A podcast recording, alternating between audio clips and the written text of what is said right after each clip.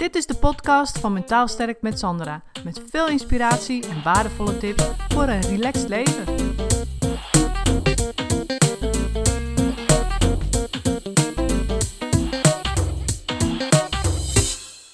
Vandaag wil ik eens even stilstaan bij zelfvertrouwen.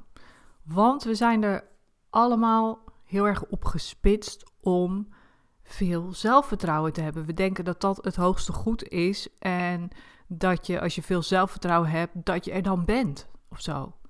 Weet je? En, ehm, maar er zitten ook heel veel onverwachte problemen aan het stukje veel zelfvertrouwen hebben. En die wil ik vandaag even in deze podcast bespreken. Want ik denk dat het voor jezelf ook heel belangrijk is om ehm, eigenlijk die, die druk eraf te halen van per se heel veel zelfvertrouwen moeten hebben. Want zoals je in deze podcast gaat merken, kan dat ook voor problemen zorgen.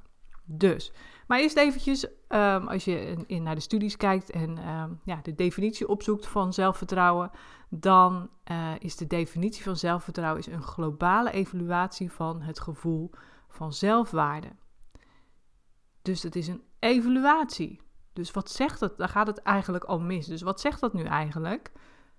Dat je dus jezelf beoordeelt. Je evalueert jezelf op het gevoel van zelfwaarde. Dus het is eigenlijk een soort van beoordelingsmechanisme.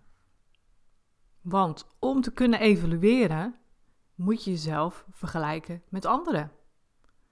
Dus dat is wat het woordje evaluatie inhoudt. Het houdt eigenlijk een beoordeling in, waarin je je dus vergelijkt met anderen.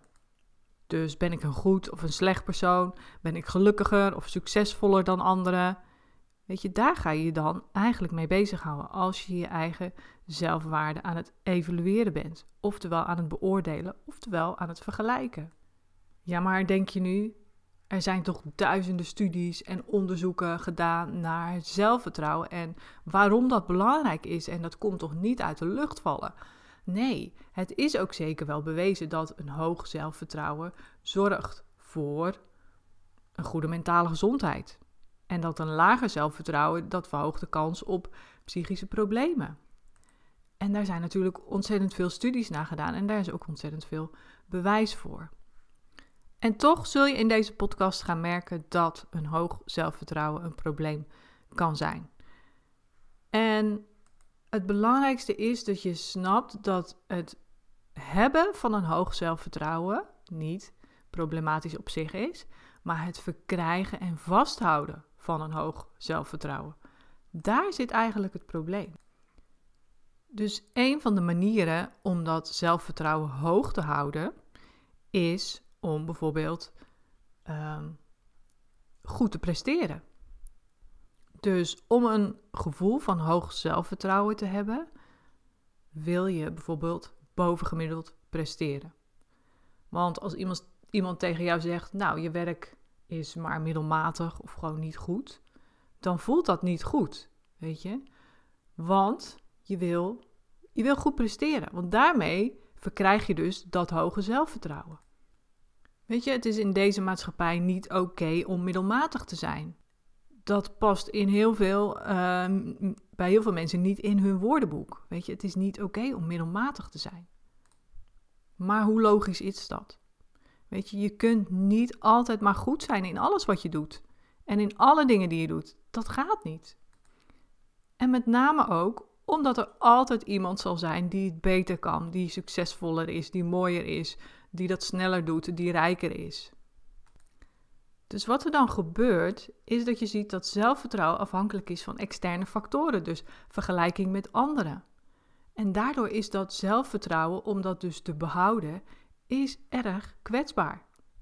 En als we dus falen of minder presteren, wat gebeurt er dan met je zelfvertrouwen? Dan is je zelfvertrouwen dus weg. En moet je weer opnieuw gaan presteren om dat zelfvertrouwen weer te verkrijgen en dus ook te behouden. Dus om het te behouden, moet je het ook nog eens goed blijven doen. Dus bij een hoog zelfvertrouwen speelt ook vooral een rol van hoe kan ik anders zijn dan anderen? Hoe kan ik me onderscheiden van anderen? Hoe kan ik me dus beter voordoen of gewoon beter zijn dan anderen?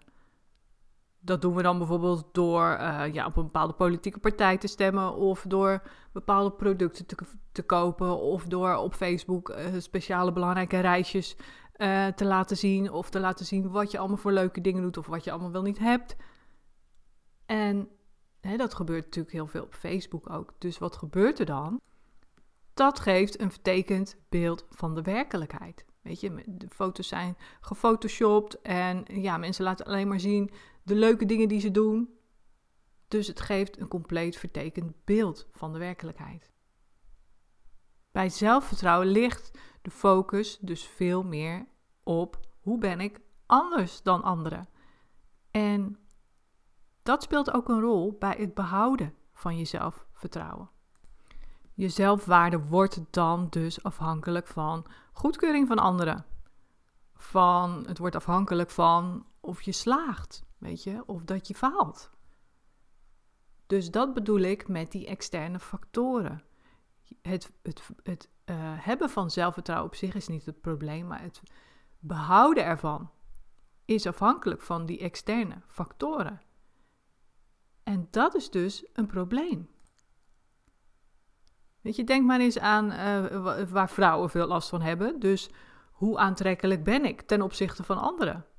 Weet je, je bent je altijd aan het vergelijken van ben ik mooier of minder mooi of hoe, hoe mooi ben ik eigenlijk?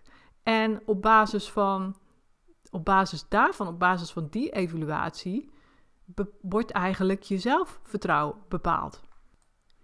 Dus het feit dat ons zelfvertrouwen staat of valt met prestaties of het uiterlijk, dat maakt ons gevoel van zelfwaarde dus heel erg fragiel. Het maakt het heel erg wankel. Wat gebeurt er nu als dus je zelfwaarde even, je, je, zelfvertrouwen minder is? dus als je kritiek hebt gehad of als je gefaald hebt. Wat er dan dus voor nodig is, is dus dat zelfvertrouwen weer op te krikken. Maar hoe doen mensen dat dan? Door zichzelf bijvoorbeeld boven anderen te plaatsen. Dus zichzelf beter te vinden dan anderen. Um, dus anderen naar beneden praten, kleinerend over anderen praten, zodat ze zichzelf weer goed voelen, zodat dat zelfvertrouwen weer terugkomt. En hoe ze dat ook doen, is door bijvoorbeeld zwaktes niet te tonen. Dan voel je je ook beter, want je voelt je niet zwak. Dus heb je weer een beter zelfvertrouwen. Want ja, jij bent niet zwak. Of, wat er ook gebeurt, om het zelfvertrouwen weer terug te krijgen na het falen van prestaties of niet goed genoeg gevonden te worden, is beschuldigend zijn naar jezelf. En dat heeft er dus mee te maken dat als je dan een fout maakt, dan heb je daar heel erg veel moeite mee. En dan kan het dus enorm helpen om een ander omlaag te praten om jezelf weer beter te voelen. En een ander onverwacht probleem of gevolg van veel zelfvertrouwen is narcisme. Dus het, eigenlijk het doorslaan in hoog zelfvertrouwen hebben. Uh, er was in, uh, in Amerika hebben ze in de jaren 80 en 90 hebben ze een studie gedaan. Um, of nee, hebben ze op uh, scholen in Amerika hebben ze dus op, op school kregen ze dus les in zelfvertrouwen, die kinderen. En die kinderen hebben ze gevolgd over een periode van 25 jaar. En wat daaruit kwam, was wel heel bijzonder. Die kinderen die dus les hadden gehad in zelfvertrouwen op school, die bleken dus 25 jaar later hoog te scoren op narcisme. En ja, iedereen weet natuurlijk wel dat narcisme een probleem is. Een probleem. Dus dat is natuurlijk een enorme paradox, weet je. Je wil op school die kinderen juist dat zelfvertrouwen leren. Je wil dat ze voor zichzelf opkomen. En wat gebeurt er? Kinderen slaan dan door in narcisme. Dus dat wil je ook niet. Dus, dus hoe, hoe komen we hier met z'n allen in hemelsnaam uit? Hoe we daaruit kunnen komen, dat, dat zal ik zo vertellen. Maar wat ook interessant is, is als je je dit misschien afvraagt, weet je, eh, pestkoppen vroeger op school, waarom pesten die eigenlijk? Waarom pesten die? Dat is eigenlijk precies wat ik net heb uitgelegd. Die, die pesten en kleineren anderen om zichzelf beter te voelen. En daarmee dus een hoog zelfvertrouwen voor zichzelf te creëren. Dus als je die kinderen gaat testen, dan scoren ze ook hoog op zelfvertrouwen. Maar ja, dan kun je je afvragen van, is dat de manier van zelfvertrouwen om die op die manier te verkrijgen? Wil je op die manier een hoog zelfvertrouwen hebben. Door dus eigenlijk anderen te kleineren, anderen te pesten. Dat is natuurlijk niet een lekkere manier, een fijne manier om uh, een hoog of goed zelfvertrouwen te hebben. Dus weet je, het, de, zitten aan alle kanten zitten er dus haken en ogen aan, aan dat zelfvertrouwen. En ik denk dat het echt goed is om dat hier eens te belichten. Want we, we staren ons er allemaal blind op. Weet je wel, van het hoge zelfvertrouwen. Dat is heel erg belangrijk en heel erg ja, goed om te hebben. Maar ja, je hebt nu van mij gehoord wat daarbij dus ook de problemen zijn. Dus nu is natuurlijk de vraag: wat kun je dan anders doen? Dus hoe kun je nu een gezond zelfvertrouwen hebben wat stabiel blijft? En wat dus niet afhankelijk is van al die externe factoren. In de eerste plaats is het belangrijk dat we stoppen met onszelf te vergelijken met anderen. Dus normaal halen we ons zelfvertrouwen uit de vergelijking met anderen. Dus hè, als we ons vergelijken met anderen, dan weten we, oh ja, we zitten goed of we zitten niet goed. Maar ja, dat is dus niet de manier. Dan ben je bezig met die externe factoren. Dus stop met het vergelijken met anderen. En een andere manier om een stabiele gevoel van zelfwaarde te krijgen is door je gevoel van zelfvertrouwen niet te laten afhangen van goedkeuring van anderen of van prestaties. En een derde belangrijke manier is uh, zelf zorg dragen voor het invullen van je eigen behoeften.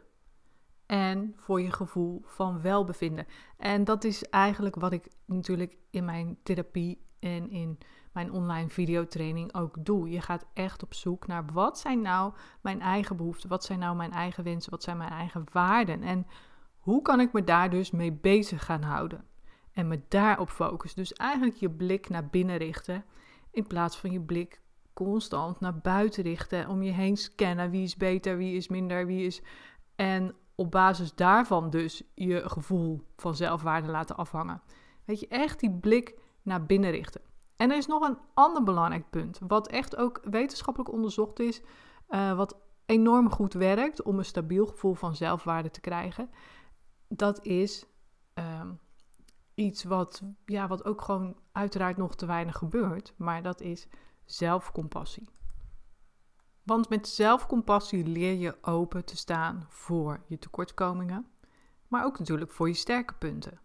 Dus je bent niet alleen maar bezig om die sterke punten sterker en groter en belangrijker te maken, maar je bent ook bezig met uh, aandacht geven aan je tekortkomingen en dus acceptatie van jezelf zoals je bent. Bij zelfcompassie is er geen oordeel. Dus je gevoel valt of staat niet met wat er buiten je om gebeurt. Het gevoel van waardering naar jezelf, acceptatie van jezelf, is dus niet gebaseerd op de vergelijking met anderen. En daarom is zelfcompassie zo belangrijk. En dan vraag je je af, ja, wat is zelfcompassie dan eigenlijk? Zelfcompassie is op een uh, vriendelijke manier omgaan met onszelf op de momenten dat we het moeilijk hebben. Het gaat ervan uit dat we allemaal gelijk zijn en dat we allemaal even belangrijk zijn als een ander. Je leert dus om waardevol te zijn zoals je bent en niet omdat je een een of andere hele belangrijke prestatie hebt geleverd. Met zelfcompassie behandel je jezelf zoals je anderen waar je van houdt ook behandelt. En daarom is het ook een aparte les uh, die ik in mijn online videotraining heb opgenomen. En uh, ik behandel het ook altijd in mijn therapieën.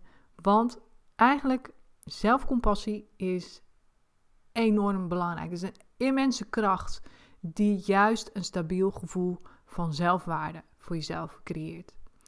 En dus niet het vergelijken met anderen en al die andere manieren.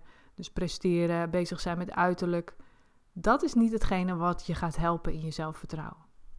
Als je meer wil weten, check dan ook mijn video Stop met positief zijn. Want daarin uh, geef ik je ook een hele belangrijke boodschap mee, die ook met dit verhaal te maken heeft. Dat stoppen met positief zijn is ook enorm belangrijk voor een stabiele gevoel van zelfwaarde. Dus check die. Je kunt hem vinden in de beschrijving hier zo bij deze podcast. Hoop dat ik je vandaag weer geïnspireerd heb en ik wens je een hele fijne ochtend, middag, avond of nacht. Doei doei! Bedankt voor het luisteren. Wil je meer weten over mijn online videotraining of wil je graag mijn 1 op 1 hulp via Skype of in mijn praktijk? Mail me dan op contact@mentaalsterkmetsandra.nl.